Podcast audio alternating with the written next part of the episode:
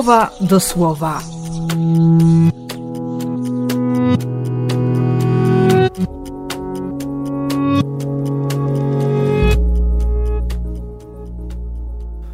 Jedenasty listopada, sobota.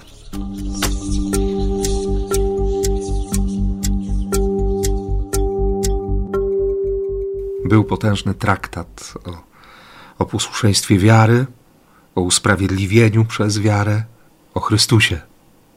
I teraz przychodzi czas na ostatnie zdania, na przedstawienie tego realnego Kościoła, konkretne imiona i wiążąca się z nimi historia Pawła. Kościół konkretny, bardzo realny.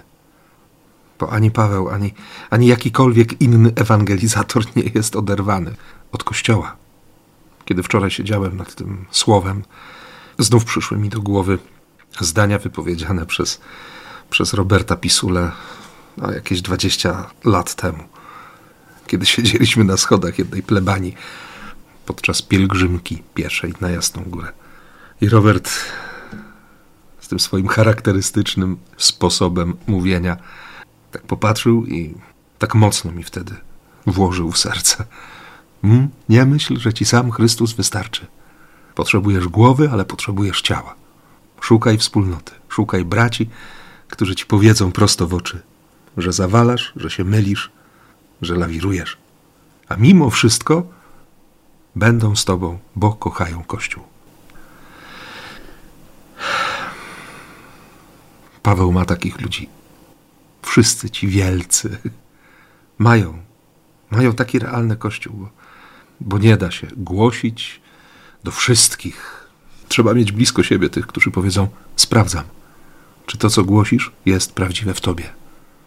Nie po to, żeby oskarżyć, ale po to, żeby, żeby umocnić, żeby być wsparciem realnym, konkretnym wsparciem.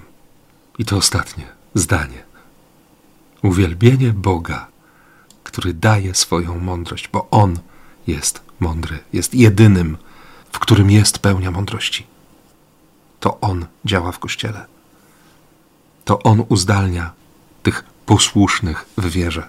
Dlatego w kontekście naprawdę tego wszystkiego, co się wydarza, co się słyszy, co, co się mówi o Kościele, o rzeczach, które się dzieją w Kościele, o drodze Kościoła, wiem, że chcę coraz bardziej odkrywać i kochać właśnie ten Kościół.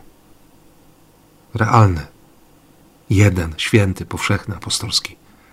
Kościół Chrystusa. I to się zaczyna od bardzo małych spraw, jak powie dzisiaj Jezus w Ewangelii. Od zwyczajnej wierności, od konkretów, od nieudawania, od szukania tego, co Boże, od tych pytań w kierunku Ducha Świętego. Jaki jest? Jakie jest to moje miejsce?